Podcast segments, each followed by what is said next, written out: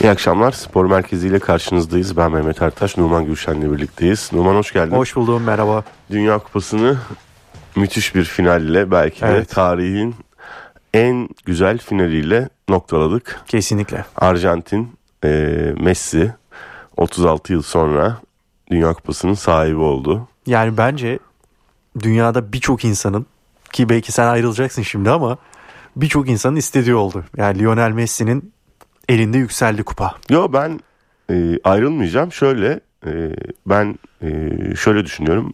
Messi'ye Hı hı. e, yakışacaktı zaten bu Dünya Kupası. Yani Evet. böyle bir kariyere Aha. bir Dünya Kupası e, şarttı diye düşünüyorum. Hı hı. Ha benim oyunla ilgili favorim Fransa'ydı. Beni biraz hayal kırıklığına uğrattı açıkçası Fransa. Özellikle ilk 60-70 dakika hiçbir şey yapmayarak. Ya ilk şutu ve ceza sahasında topla buluşması 68. dakikaydı O da bir zaten. duran top, kafa vuruşu. Yani Ee, onun dışında ilk yarı işte atılan şut sıfır, gol beklentisi sıfır, rakip ceza sahasında topla buluşma sıfır. Fransa tam bir hayal kırıklığıydı bence. kesinlikle. Ee, Arjantin'de çok motive, e, çok mücadeleci, sahanın her yerini kapatan. e, zaten Didier Deschamps e, müdahale yapmak zorunda kaldı yani. Daha 40. ilk, dakikada. ilk yarı bitmeden Tabii. e, ile Dembele'yi oyundan aldı. E, Mbappe'yi santrfora çekti. Bir, bir hamle yapması gerekiyordu. Yine de bence işler e, Fransa için toparlanmadı. Evet. Ama e, artık o üst üste gelen iki e, gol, bir penaltı, bir gol. E, bir konsantrasyon kaybı mı oldu Arjantin adına? E, artık bir rehavet mi oldu son 10 dakika artık maç buradan biz bu maçı aldık havası mı oldu? E, ama sonrasında müthiş bir maçtı. Ya en azından bize unutulmaz bir final yaşattı. Yani Arjantin ne yaşadı bilmiyoruz. Rehavet de olabilir bu. Ki bunu aslında Hollanda maçında da gördük. Aslında benzer bir maç gibi oldu. Ya orada da 2-0 yakalamışlardı. Daha sonrasında benzer Vegors'un- dakikalarda Vegors'un iki golü. aynen öyle benzer dakikalarda 2 gol bulmuştu Hollanda. Nitekim aynı şeyi yaşadılar. Yani daha sonrasında Hırvatistan maçında Hollanda maçı gibi hareket etmediler. Onun biraz daha sanki dersini çıkarmış şekilde sahadaydılar. 3-0 gibi net bir skorla Hırvatistan'ı yenmişlerdi ama Fransa maçında evet mükemmel bir başlangıç. Hatta tek taraflı bir oyun. Yani dakika 80'e kadar Mbappe'nin ilk golüne kadar muazzam bir oyun ama daha sonrasında özellikle bence oyuncu değişikliği konusunda Scaloni evet bu turnuvada çok iyi bir bir performans sergiledi teknik direktör olarak.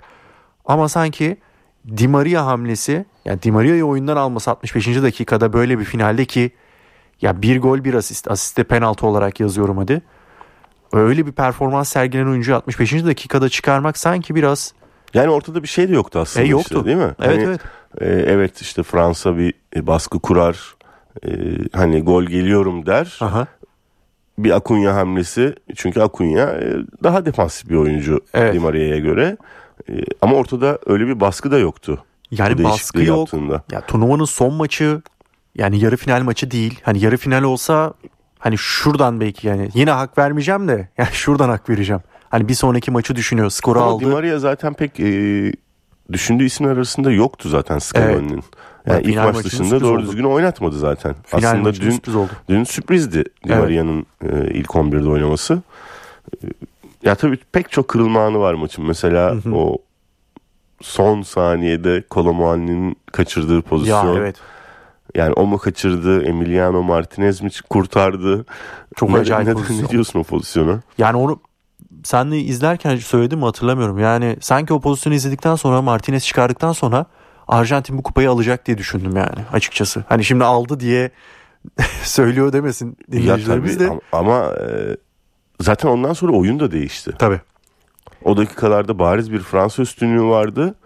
E, daha sonra oyun şeye döndü yani. Ya, maçın tamamlanmasını bekledi ve orta sahanın kaybedildiği çok barizdi. Tabii. Sonra Parades hamlesi ortaya.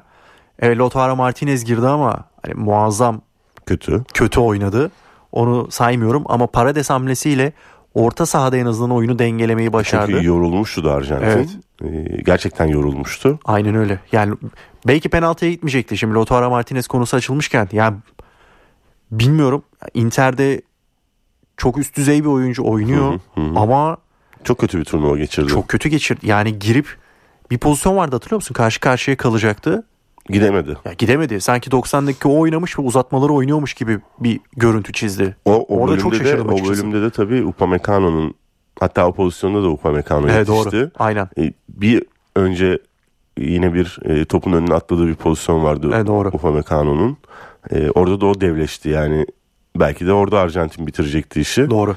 E, enteresan pozisyonlar oldu. Peki e, turnuvanın geneliyle ilgili biraz Messi'den tabii bahsedelim. Hı hı. Messi turnuvanın en değerli oyuncusu seçildi. E, 7 gol, 3 asist. E, senle konuşmuştuk. E, Cuma günüydü sanıyorum. Hı hı. Hatta yemek de dahil olmuştu. Evet, aynen. Yani gümbür gümbür oynayan bir takım yok demiştik Hı hı. turnuva boyunca. Evet. Arjantin'de öyle bence çok gümbür gümbür oynamadı buraya Yok. gelene kadar da. Ama e, Messi faktörü işte e, attığı goller penaltı bazıları penaltı da olsa oyuna e, ağırlığını koyması takımın Evet. liderliğini yapması e, herhalde hak etti değil mi? Kesinlikle. Yani Dünya Kupası'nda yani yükselen bir performansı olduğundan hep bahsediyorduk Arjantin'in ve bence bir ya turnuvada bir strateji belirlediler ve turnuva takımı olarak bence Dünya Kupası'nı kazandılar. Evet senin dediğin gibi öyle bir gümbür gümbür oyun yoktu başından beri ki özellikle bence Suudi Arabistan maçını kaybetmeleri yani şu an baktığımızda şöyle bir e, dışarıdan yükselip bir turnuvaya baktığımızda o maçı kaybetmeleri bence onlar için iyi olmuş. Yani çünkü belli ki çok motive girmemişler bu turnuvaya Hı hı. ve Suudi Arabistan'ı da mu- muhtemelen ki Suudi Arabistan diye biraz daha küçümsemişler ama oradan yedikleri tırnak içinde tokat onlara iyi geldi bence ve Tabii, bir hoca işi- silkelenme Hoca kadroyu değiştirdi, Oldu. dizilişi değiştirdi, oyuncuları değiştirdi. Aynen. Ee, çok bariz dokunuşlar yaptı o maçtan sonra.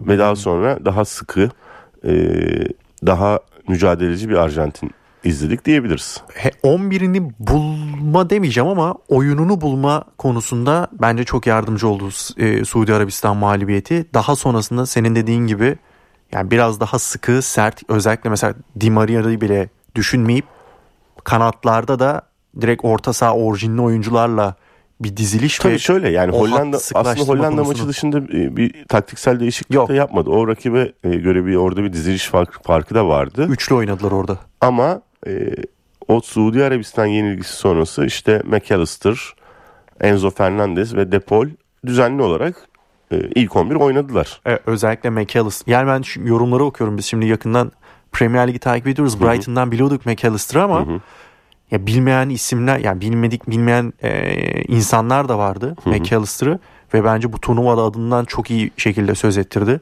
McAllister.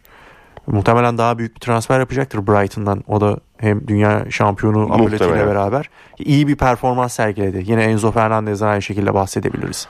Tabii Depol'de. biraz e, diğer e, oyunculara falan da geçeceğim ama bir biraz Scaloni'ye de değinmek lazım. Evet. E, şimdi Messi'nin e, 2016'da Arjantin milli takımını bırakma kararından sonra e, geri dönmesini sağlayan isimler arasında Scaloni. Evet. Zaten birlikte de oynadılar. Doğru. Takım arkadaşı aynı zamanda. Genç bir teknik adam. E, 44 yaşında mıydı? 44 yaşında. Aha. Ve e, 44 yaşında e, Arjantin milli takımıyla önce Copa Amerika ardından dünya şampiyonluğu. E, çok büyük bir başarı. E, burada bir enteresan nokta da şu. E, yerli teknik adamların e, kupa kazanma serisi devam etti. Evet, doğru. Dünya kupalarında bugüne kadar hiçbir milli takım yabancı teknik direktörle şampiyon olmamış. E, buraya bağlamak istiyorum aslında. E, şimdi bizim milli takımımızda da mesela bir e, yabancı teknik adam Doğru. var. Pek çok ülkede yabancı teknik adamlar çalışıyor. Sence bu bir bir avantaj mı yerli teknik adamın e, milli takım başında olması? Ya herhalde kültürle alakalı bir şey diye düşünüyorum. Yani Arjantin mesela Latin Amerika futbolu ve insanlarını birlikte düşündüğümüz zaman bir hani tutku meselesi devreye giriyor ya. Belki o kültürü bilen ve daha iyi yansıtabilecek teknik adamların başa gelmesiyle beraber başarı geliyor diye düşünüyorum en azından. Yani biraz sanki o kültürü tanımak ve onun içinden gelmekle alakalı Farklı bir bir motivasyon kaynağı Aynen. oluyordur. Aynı dili konuşmak çok önemli. Tabii kesinlikle. Değil mi? Peki e, biraz turnuvanın enlerinden bahsedelim isterim. Aha. Sana göre e, turnuvanın kalecisi E, FIFA Emiliano Martinez'i seçti. Hı hı. E, sen de katılır mısın yoksa farklı bir isim var mı kafanda? Emiliano Martinez son iki maçta ya, e, Hollanda maçında da penaltı kurtardı. Ön plana çıktı ama sanki Livakovic biraz daha ön planda gibi geldi bana. Yani daha iyi maçlar çıkardı ve daha da hani yaptığı kurtarışlarla Hı hı. adından söz ettirdi gibi geliyor bana. Livakovic sanki Martinez'in bir adım önünde ama tabii kazanan takım olunca e tabii finalde de penaltı da kurtarınca. E tabi yani şimdi finalde muhtemelen Fransa kazansaydı Mbappe seçecektir turnuvanın en Tabii. değerli oyuncusu. Aynen. Arjantin kazandı. Messi seçildi. Ay ben de Livakovic diyorum ama onu şuraya bağlamak istiyorum. Ee, Livakovic bence turnuvanın gidişatını değiştirdi. Hmm, Yani Hırvatistan Brezilya'yı eledi. doğru.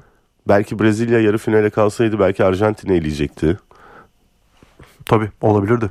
Yani oraya daha kuvvetli geliyordu Brezilya. Oyun olarak en azından daha kuvvetli geliyordu bence. Evet. Belki bir Brezilya-Arjantin fi- yarı finali olsaydı belki Arjantin'i finalde göremeyecektik. Ee, orada Livakovic bence daha öne çıktı. Ee, Bence- turnuvanın tüm gidişatını değiştirdi. Belki de. Arjantin'in şampiyonluğunda bir pay sahibi oldu yani Brezilya'yı e, penaltılarla eleyince Hırvatistan. Aynen öyle. Öyle Doğru söylüyorsun. Peki e, savunma oyuncu adayın? Hmm, en iyi savunmacı. Açıkçası öyle Arjantin'den Senin meşhur Faslan falan bir şeyler yok mu? Yani bekleri de devreye katacak olursak yani o zaman hakimi derim. en iyi savunmacı hakimi mi diyorsun? Bence öyle. Ben Guardiol diyorum. Aa Hırvatistan'ın doğru onu unuttum. Doğru. Stoperi, sol stoperi. Doğru. Bak, orada da hemfikir olabilirim seninle. Hadi, Leipzig'te oynayan e, ben onu da çok önemli Doğru söylüyorsun. kulüplerde kariyerini sürdüreceğini düşünüyorum. Orta saha Orta saha. Messi'yi burada kategoriye sokuyor muyuz yoksa ileride yani mi Messi konuşuyoruz? sanki santrfor gibi. Santrfor'da. O zaman orta sahada yine mi Hırvatistan'dan gideceğiz bilmiyorum. Aklıma yine bir Modric geliyor ama senin adayın ne?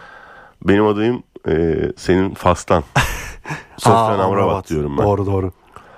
Yani o Fas'ın e, rakibi karşılamasında topun arkasına geçip o alanı kapatması savunmasında bence Hı hı. yani komutan gibi gördüm ben Sofyan Tabii. Amrabat'ı. Kesinlikle doğru Onun da bence e, önü açık.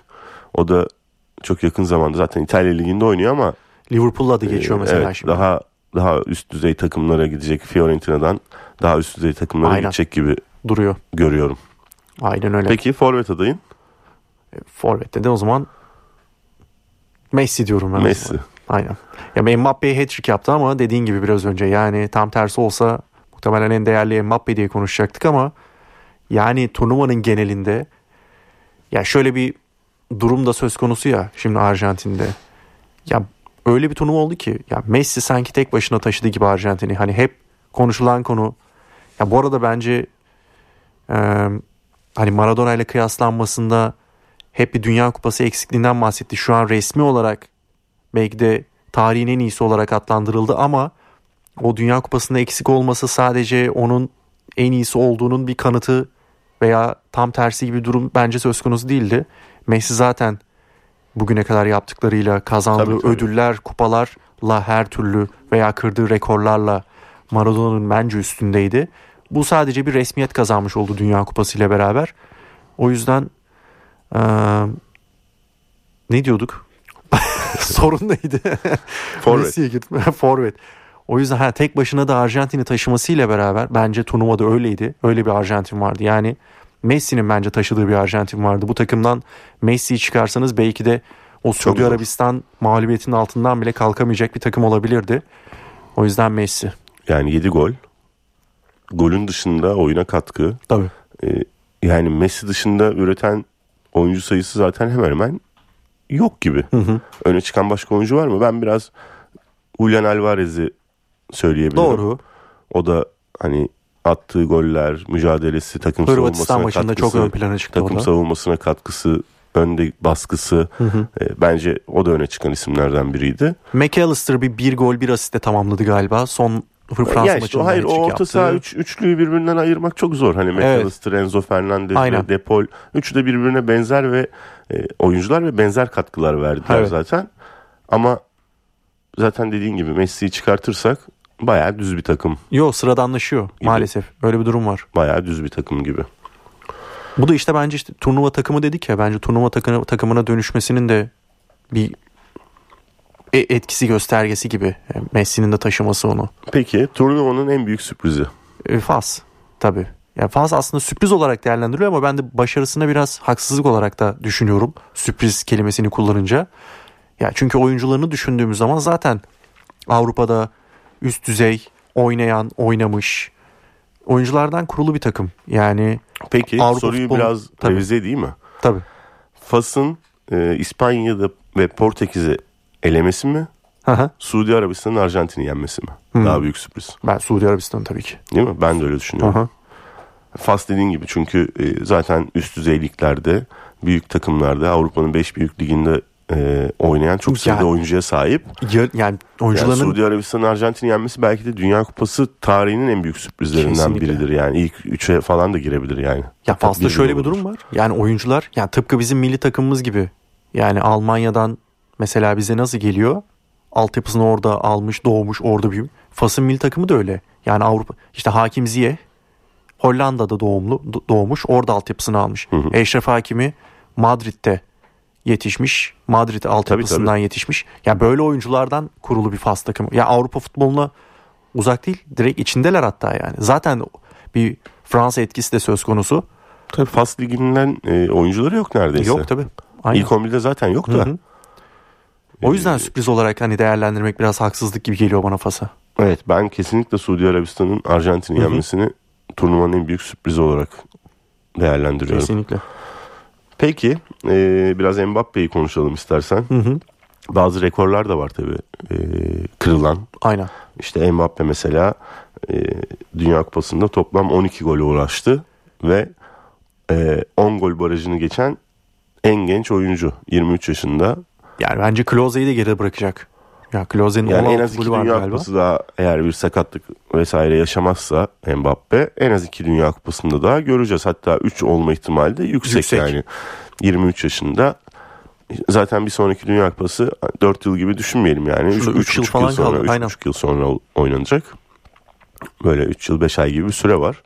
Ee, arkasından iki Dünya Kupası daha oynar gibi görünüyor. Evet. E, Klose'ye geçecek gibi duruyor. Yani e, çok da üzüldü. Ya üzülürsün tabii. Yani çünkü üst üste kazanmak gibi bir hedef de var ve ona çok yaklaşmış bir Mbappe var. O da çok ekstrem bir performans sergiledi tabii. Hatta orada bir rekor daha var. Ee, Pele'nin 3 Dünya Kupası bulunuyor. Mbappe'nin kazansaydı 2 olacaktı. Tabii. Belki de onu Belki Pele'yi bile geçme ihtimali yani? vardı. Olmaz tabii. O açıdan. Ama Mbappe yani şu ana kadar yaptıklarıyla ve yapacakları sanki işte teminatı gibi denir ya. Çok daha belki de Messi'nin rekorlarına bile yaklaşır yani. Öyle bir Yani oyun var. inanılmaz bir enerji değil mi? Çok iyi. Yani dün de işte Arjantin takımı yoruldu. Fransa zaten değişiklikler yap- yaptı. Yorulanlar çıktı işte Koman girdi vesaire. Aynen. Mbappe aynı enerjiyle 120 dakika. değil 120 mi? dakika aynı enerjiyle oynuyor. Muazzam. İnanılır gibi değil. Yani bir devri kapatıyoruz şimdi. Artık çok son demlerindeyiz. Yani Ronaldo zaten çok gözle görülür bir şekilde düşüşte. Ve Messi de bence artık Dünya Kupası'nda kazanmış olmanın rahatlığıyla biraz daha sanki düşecek gibi geliyor bana. Çünkü o son misyonunu da tamamladı gibi. Şimdi Fransa milli takımında tabii şöyle bir problem de olacak. Bugün Karim Benzema Evet. bıraktığını açıkladı milli takımı. Giroud da muhtemelen bırakacaktır diye düşünüyorum. Giroud bu arada e, Fransa'nın en çok gol atan oyuncusu oldu. Evet. 52 golü ulaştı. E, en çok gol atan oyuncusu oldu. Ama o da muhtemelen önümüzdeki yıl olmayacaktır diye Muhtemelen. düşünüyorum. Onun da yaşı oldu bayağı. Fransa'nın bir santrfor problemi e, olabilir. Böyle bir durum var. E, belki Mbappe Ha, şimdi bu onu saatten sonra santrfor oynayabilir. Ya çünkü eksikleri vardı ya Fransa'nın. Yani şimdi Enkunku'nun olmaması gibi gibi işte o eksiklerle beraber. Onlar da tamamlandıktan sonra hem Mbappe'yi de çizgide değil de daha Evet. kaleye yakın görebiliriz diyorsun. hem de şu hem son maçta hem Fas maçında da Mbappe'yi ileri koyduktan sonra daha etkili olan bir Fransa vardı. Yani turnuva özelinde olabilir ama belki de düşüneceği konulardan biri de olabilir bu. Yani Mbappe'yi ileride kullanmak ve kanatları ona göre doldurmak.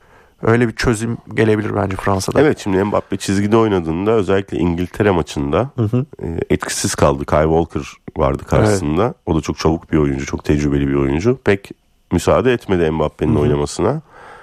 E, dün de Mbappe kenarda oynarken çok etkili değildi. Santrfor'a geçtikten sonra zaten ilk yarının sonlarında geçti. Aha. İkinci yarıda daha etkili bir oyun. Ee, olabilir evet. Yani ona sanki biraz görev verme gibi değil de artık hani kanatta bir sorumluluğu var ve hı hı. orada hani defansa da yardım etmesi gerekiyor. İleride topta taşıması gerekiyor.